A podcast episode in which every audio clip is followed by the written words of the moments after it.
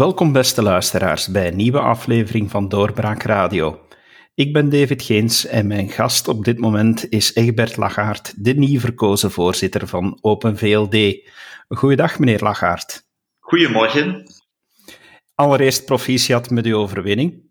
Ja, dank u. Eh, ik ben natuurlijk heel blij. Eh, ik moet zeggen, ik heb niet zo heel veel geslapen. Eh, ik had nog heel veel berichtjes te beantwoorden van mensen die me feliciteerden. Maar kijk, we zijn blij dat het in één ronde gelukt is. Dat was inderdaad verrassend. Eén ronde, dat had u waarschijnlijk zelf niet verwacht. Um, nee, we hadden ergens gehoopt dat het zou lukken om boven de 50% te raken in die eerste ronde, maar helemaal op gerekend hadden we zeker niet. En uh, dat het dan nog een uitslag is met meer dan 60%, ja, dat was toch wel onverhoopt. Dus uh, we spreken wel over een droomscenario, dus ik ben heel tevreden. Bent u ook tevreden over de samenstelling van het partijbureau? Want daar zijn minder verrassingen in te zien, geen vernieuwingen en uh, ja, weinig diversiteit. Ja, dat klopt. Op zich zijn het ja, de bekende namen die in dat partijbestuur terechtgekomen zijn, behalve enkele uitzonderingen. En uh, ik denk wel dat ik daar ja, toch nog wel een, een werk heb om in de organen van de partij inderdaad meer ja, toch een spiegel van de samenleving te hebben. In die zin een goede mix man-vrouw, diversiteitsachtergrond. Wij blijven zo op die manier toch echt wel een partij uh, van blanke mannen, blanke vrouwen. Uh, en ja, er, er zit nogthans onder de waterlijn heel veel uh, talent. Er waren heel veel kandidaten voor dat partijbestuur die volgens mij veel potentieel hebben. Maar ik ga toch proberen hen op een andere manier te betrekken bij de partij. We hebben op dit moment een partijraad die niet echt heel actief werkt.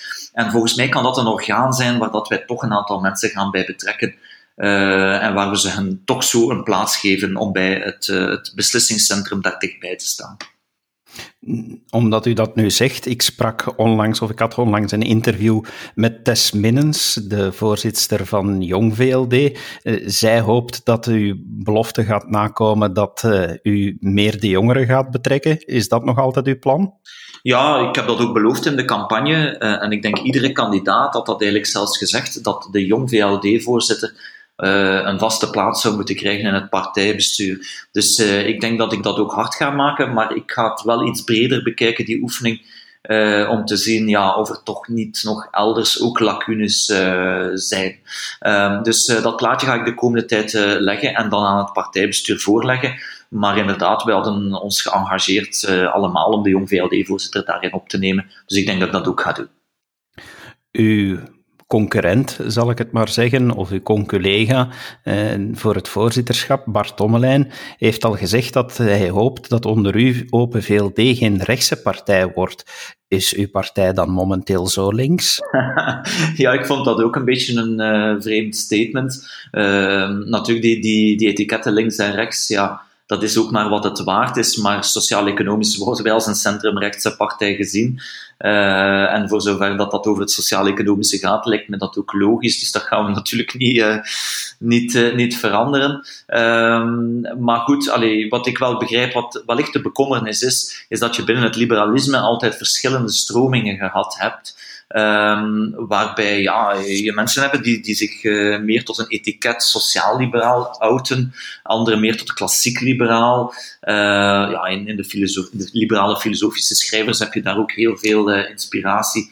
met verschillende invalshoeken. Ik denk dat op zich de bekommernis was dat het niet is omdat ik nu voorzitter ben met een dergelijk mandaat, dat diegenen die een laten we zeggen, niet wat andere invulling geven aan, aan het liberalisme, dat die geen plaats meer zouden krijgen in die partij. Dat is helemaal niet de bedoeling. Het is niet mijn bedoeling om de partij uit elkaar te trekken, maar wel degelijk eh, de voorzitter, te zijn van, van alle liberalen.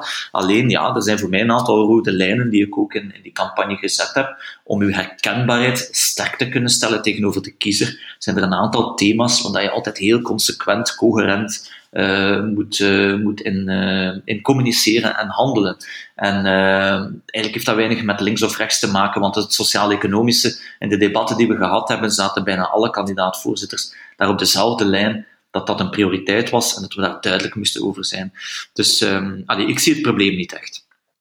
U spreekt nu over rode lijnen, maar ik zou natuurlijk in het geval van uw partij en uw campagne eerder spreken van blauwe lijnen. Uw campagne gaf toch duidelijk aan dat u meer aandacht zou hebben aan een aantal aspecten die uh, meer geassocieerd worden met een liberale partij die opkomt voor een aantal mensen die werken en ondernemen. Blijft dat nog altijd uw bedoeling? Ja, dat is zo. Het liberalisme is een, eh, een vrijheidsideologie eh, die de vrijheid koestert voor iedereen die wil gaan werken, onderneemt, eh, maar ook om te zijn wie dat je wil zijn. Er zijn ook ethische aspecten aan. Maar de, de, de economische vrijheid is natuurlijk voor ons vooral essentieel. En op zich, als je in studies kijkt naar, naar verkiezingen, veel kiezers associëren ons nog altijd met die thema's. Alleen denk ik dat de partij de laatste jaren uh, of de laatste 10, 20 jaar door lang te besturen een stuk aan geloofwaardigheid heeft verloren op die thema's. En dat is net wat ik terug wil claimen. En dat kun je ook alleen maar doen door vrij consequent uh, te handelen op, uh, op wat je allemaal schrijft en zegt op die zaken. Dus dat blijft de uitdaging en de prioriteit. En ik denk dat dat ook de motor was van waarom veel leden voor mij gestemd hebben. De heren Rousseau en Magnet die tasten nu af voor een regeringsvorming. Eh, gaat u met hen mee aan tafel zitten om daarover te praten? Goh, ik eh, begrijp dat zij met een uitnodiging werken naar de tien partijen die eh, op zaterdag elkaar ontmoeten in de zogenaamde superkern. dus daar zijn, ja, er is Open VLD ook bij. Als ik uitgenodigd word om een gesprek te hebben, zal ik natuurlijk ingaan op dat gesprek. Maar ik moet wel zeggen, eigenlijk is het niet nieuw, omdat ze hebben dat nu aangekondigd vorige week, maar voordien waren er ook al wel wat informele gesprekken tussen allerlei partijen. Dus op zich uh, ja, is het goed dat partijen elkaar ontmoeten. Uh, ja, die leiding wordt nu even genomen door, door de twee socialistische voorzitters, maar het is niet gezegd dat dat natuurlijk in een context eindigt waar, waar effectief de leiding bij de socialisten ligt. Maar goed, dus als er gesprekken komen, zullen wij daar constructief aan, aan meedenken. Uh, maar de inhoud moet natuurlijk wel uh, iets zijn waar wij uh, kunnen achterstaan. Uw voorgangster, Gwendolyn Rutte, die hing nogal nauw samen met jullie zusterpartij, de MR.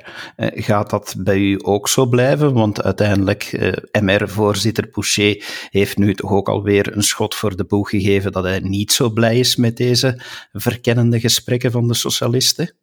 Ja, maar natuurlijk de, de link met de MR is, uh, is op zich uh, voor ons wel wat sterker geworden de laatste, het laatste jaar.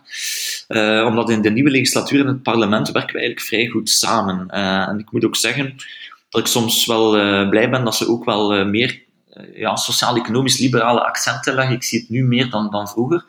Um, maar natuurlijk, we weten in Wallonië dat uh, in het Franstalig landsgedeelte, laat ons zo zeggen, dat daar wel een, uh, een soort race over dat marktleiderschap aan de gang is. Uh, tussen Paul Magnette en Georges-Louis Boucher. En dat zie je af en toe in de communicatie. Maar um, natuurlijk, ik ga mij ook niet laten misleiden door communicatie. Um, ik moet uh, met Georges-Louis Boucher nog een eerste gesprek hebben. Ik ga dat zo snel mogelijk doen. Um, maar bon, ik, ik denk wel dat veel van onze leden militanten er wel op aandringen om een sterke link te blijven hebben met de MR. Dat, dat versterkt ons wel. dus dat gaan we wel doen. Uh, maar natuurlijk, ja. Uh, hoe de politieke agenda juist zal lopen in die regeringsonderhandelingen weet je nooit. Maar ik denk wel dat wij gaan inzetten op een, een sterke link uh, verder met hem. In verband met die regeringsvorming, vindt u het nodig dat er een meerderheid aan Vlaamse kant zal zijn, of is een gewone federale meerderheid voldoende voor u? Een meerderheid aan, eigenlijk als je een stabiele regering wil vormen, is een meerderheid langs beide kanten van de taalgrens sowieso aangewezen. Alleen weten we dat dat niet altijd evident is. Hè? Dus op zich, ja, u kent mijn voorkeur. Ik heb die vorig jaar ook geout voor de stabiliteit van het land. Eh, als, men die, als men dat koestert, dan, eh, ja, dan zou je bijna toch hopen dat PS en NVA op een bepaald moment in die regering kunnen uh, raken. Uh, alleen moeten we wel realistisch zijn. Dit, dit, probeert men nu al een jaar. En ja, dit, dit lijkt niet te lukken. Plus de salvo's over en weer blijven, uh, blijven over en weer gaan. Uh, dus voor ons als, als partijen die dan uh, ja, daartussen zitten, die minder groot zijn dan die partijen, is dat natuurlijk ook niet zo evident. Want wij worden voor, vooral met het beleid geïdentificeerd. Open VLD is al twintig jaar een beleidspartij. En als er geen beleid meer komt, Um, dan rekenen veel kiezers dat ook aan ons af. Dus wij hebben er ook geen belang bij het feit dat er geen oplossing komt. We hebben er belang bij dat uh, in dit land er opnieuw kan bestuurd worden en, en er terug op een degelijke manier uh, oplossingen komen voor problemen die er zijn. Dus um, ik hoop, uh, ik heb altijd gehoopt dat het zou lukken om een meerderheid te hebben, langs beide kanten van de taalgrens en ook langs de Vlaamse kant. Maar ja, ik, ik, durf het niet meer zeker zeggen of het zo gaat, gaat eindigen. er moet in ieder geval een oplossing komen meest aangewezen zou zijn een oplossing tegen 1 september met een heel brede coalitie die een meerderheid heeft langs beide kanten van de taalgrens. Als ik kijk naar de verkiezingen van uw partijbestuur en uh, iedereen die daar heeft aan deelgenomen, dan zie ik in de details dat de degenen die zich uitgesproken hebben voor paarsgeel, of die paarsgele uitspraken hebben gedaan, de interne verkiezingen meer winnen dan diegenen die zich eh, voor paarsgroen hebben uitgesproken. Is dat ook uw conclusie? Um, ja, als je die cijfers bekijkt, uh, ja, is dat misschien een, conclusie, maar goh, ik, ik denk dat. Uh, ja, dat is natuurlijk dat, die, dat debat van vorig jaar, uh, dat, heeft, dat was een heel moeilijke passage voor onze partij. En ik denk nu niet dat de bedoeling is dat we dat verder gaan blijven aanhouden, want we hebben die discussie gevoerd. Eerlijk gezegd, ja, ik denk dat vandaag paars-geel redelijk ver weg nog is uh, en dat paars-groen ook zeer ver weg is. En er gaat gewoon creatief out of the box moeten gedacht worden hoe dat we het oplossen. En uh, als nieuwe voorzitter moet ik nu alle liberalen verenigen naar een gezamenlijke strategie om tot een oplossing te komen. Dus ik zou ook wel een beetje willen loskomen van, uh, ja, hadden we nu gelijk of hadden we geen gelijk. het is een lezing die je kan maken, maar ik denk dat we nu samen vooruit moeten. Dus we moeten ook niet rekenen op een rituele verbranding van het partijprogramma van Ecolo. Ah, dat, uh, dat is natuurlijk nog te bezien. Uh, het probleem, ik had, dat ging over het sociaal-economisch programma van Ecolo. Ja, daar moeten we ook realistisch in zijn. Dat programma ligt natuurlijk mijlen ver van, van ons programma. Dus dat blijft moeilijk. Uh, dat, ik heb dat natuurlijk met een boetade gezegd, maar dat blijft een, een heel grote moeilijkheid. Maar bon, de crisis is natuurlijk wel op dit moment zodanig diep en we zitten daar nu met tien partijen op zaterdag. Uh, ja, uh, ik denk dat die tien partijen zullen aangesproken worden om eventueel een regering te vormen tegen september. Maar wat daar gaat uitkomen, durf ik u vandaag met de beste wil van de wereld nog niet zeggen. Alleen weet ik wel, als we daar zelf moeten instappen in zo'n regering, gaat de inhoud toch wel wat conform moeten zijn op zaken die ik kan verdedigen naar onze leden. Uh, dus ja, u weet dat sociaal-economische voor mij heel belangrijk is. En dat zal inderdaad, als dat zo zou moeten zijn, zou daar toch wel tegemoetkomingen naar ons toe moeten inzetten op dat vlak. U wil ook inhoudelijke congressen organiseren. Waar wil u heen met uw partij? Binnen welke breedte moeten we zien dat u aan de inhoud wil gaan werken? Van, zal dat enkel maar een opsmuk zijn? Of gaat u echt een uh, liberalisme herdefiniëren dat klaar is voor deze eeuw? Wel, ik denk dat de oefening tweeledig is. Je hebt uh, onze core business, zoals ik dat noem, ons DNA, rond het sociaal-economische. Denk ik dat we nu na de COVID-crisis en die relance ons eigen, uh, ja, ons eigen eh, recepten moeten op tafel leggen om de economie zuurstof te geven, de ondernemers zuurstof te geven, om terug ja, jobs te kunnen creëren, want er gaan er heel wat verloren gaan. Tweede is wel sociale accenten die toch ook zullen moeten gelegd worden. Misschien iets meer, omdat ja, je gaat toch veel mensen hebben die een job verliezen en die toch wel hulp gaan nodig hebben in begeleiding naar nieuw werk. Dus dat sociaal-economische terug actualiseren. Maar ook het tweede deel zijn toch een aantal thema's die we volgens mij te lang laten liggen hebben en daar niet voldoende eigen antwoorden op geven. Denk veiligheid, justitie. Zie wat vorige week in Anderlecht gebeurt in politiegeweld. Um, ik denk dat veel van onze militanten of mensen die op ons zouden overwegen te stemmen, daar soms een iets krachtdadiger antwoord van de liberalen en van klassieke partijen verwachten. Dat we dat niet overlaten aan alleen uh, ja, redelijk extremere partijen, maar dat we daar ook zelf als klassieke politiek meer antwoorden op geven. Dus ik denk dat we daar ook echt inhoudelijk een diepteoefening moeten doen. Uh, over samenleven ook. Uh, wij zijn niet de partij die mensen discrimineert. Wij moeten daar hard tegen optreden. Wij moeten een partij zijn die mensen kansen geeft. Maar mensen die die kansen willen grijpen, uh, die moeten kunnen vooruitgaan. Dat is het sociaal-economisch verhaal. Maar wat dat we niet willen, is dat mensen eeuwig in een sociaal systeem blijven hangen. Ik denk dat we daar op migratie en samenleven ook een beetje een eigen verhaal moeten schrijven. Dat er één is van kansen, maar ook verantwoordelijkheid uh, nemen. En dan heb je nog thema's zoals milieu en duurzaamheid dat je vanuit een liberale eh, insteek toch ook eens eigen antwoorden moet, moet geven. Dat thema moet je niet overlaten aan de Groene Partij. Uh, daar kunnen perfect vanuit een liberaal economische logica heel vooruitstrevende antwoorden op uh, gegeven worden. Dus dat zijn een aantal thema's waar ik vind dat wij meer actueel en korter op de bal moeten kunnen reageren met een scherpere communicatie. Wie gaat u opvolgen als fractievoorzitter in de Kamer? Wel, ik heb daar deze ochtend ook al over nagedacht en ik weet het nog niet, want er heeft zich nog niemand geout. Um, dus ja, bon, ik ga dat, dat ambt neerleggen. En deze week zal ik als uitredend fractieleider een fractievergadering organiseren en zien of er zich iemand aandient. maar er heeft zich op dit moment nog niemand aangediend. Als ik u nu vraag eh, naar, eh, naar enkele keuzes die u zal maken als voorzitter, en de eerste keuze die ik u voorleg is meer Vlaanderen of meer België, wat kiest u dan? Goh, ik heb daar een eh, e-book over geschreven. Ik kies voor fiscale autonomie en op arbeidsmarkt meer autonomie voor Vlaanderen. Maar er zijn ook voor mij bevoegdheden die terug federaal moeten om het coherent in dit land terug te laten besturen. Dus voor mij werkt dit in twee richtingen. En in welke richting wil u nu gaan werken wat de regeringsvorming betreft? Blijft uw persoonlijke voorkeur voor paars-geel? We hadden het er daar straks al over. Of uh, zegt u van, ja nee, ik, uh, ik zie andere mogelijkheden? Well, de, mijn voorkeur is, is, is wel gekend, maar ik, stel, allee, ik ga geen exclusieve stellen, omdat de situatie al uh, heel erg moeilijk is. En ik denk als je nu een oplossing wil zoeken, moet je volgens mij vooral vanuit het centrum vertrekken met partijen zoals uh, de Christen-Democraten, Liberalen, uh, om iets, uh, en misschien de Vlaamse Socialisten. Ik vind dat Conor Rousseau daar ook een constructieve rol in speelt. En dat je zo moet kijken wie dat je kan verenigen rond een inhoudelijk programma. Dus ik ga me niet meer vastpinnen op kleurtjes, want daarvoor is de crisis veel te diep. En, en, en moeten we zien wie we samen kunnen krijgen rond een inhoud. Wie van de volgende twee moet voor u premier worden? Rutte of De Croo? Voor mij eigenlijk op dit moment geen enkele van de twee. In die zin, uh, ik vind niet dat we daar op dit moment die ambitie op tafel moeten leggen. Uh, we moeten maar in de regering stappen als de inhoud juist zit. En als de inhoud juist zit, kunnen we spreken over wie in de regering terechtkomt. Maar ik vind niet dat wij op dit moment een premierschap moeten opeisen.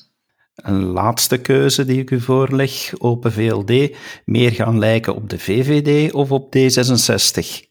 Persoonlijk zit ik wel echt uh, eerder in de richting van uh, eh, VVD, maar het uh, mooie van Open VLD of van de Liberale Partij is toch altijd geweest dat je die twee stromingen samen had in een partij en dat ze elkaar ook versterken. In sommige gebieden is het ene beter dan het andere, past dat ook beter met de dynamiek die in een bepaalde regio is. Dus ja, persoonlijk wellicht eerder VVD, maar ehm, ik, ik, ik, we moeten er alles aan doen om die twee stromingen eh, netjes te laten samenwerken binnen een partij.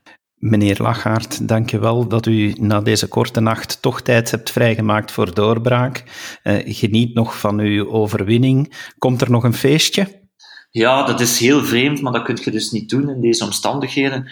Uh, ik heb nog niemand, uh, met, allee, ik heb wel met, gisteren na de VRT op de zaken heb ik kunnen klinken met twee mensen van de VRT. En dat was het zo'n beetje eigenlijk. Dus het is heel jammer, er hebben zoveel mensen zich ingezet voor mijn campagne, dat we nu niet samen kunnen komen om, om te vieren op deze heel mooie uitslag. Maar we zullen dat hopelijk eens doen in de zomer als de maatregelen het toelaten. Dankjewel. Uh, nog een prettige dag en uh, we hopen u van in de toekomst nog een aantal keren te mogen begroeten in onze podcast wanneer de gelegenheid zich voordoet. Graag gedaan en aan u ook een uh, prettig weekend. Dit was een episode van Doorbraak Radio, de podcast van doorbraak.be. Volg onze podcast op doorbraak.be/slash radio of via Apple Podcasts, Overcast of Spotify. Bezoek ook onze website op doorbraak.be en steun ons door een vriend te worden van Doorbraak.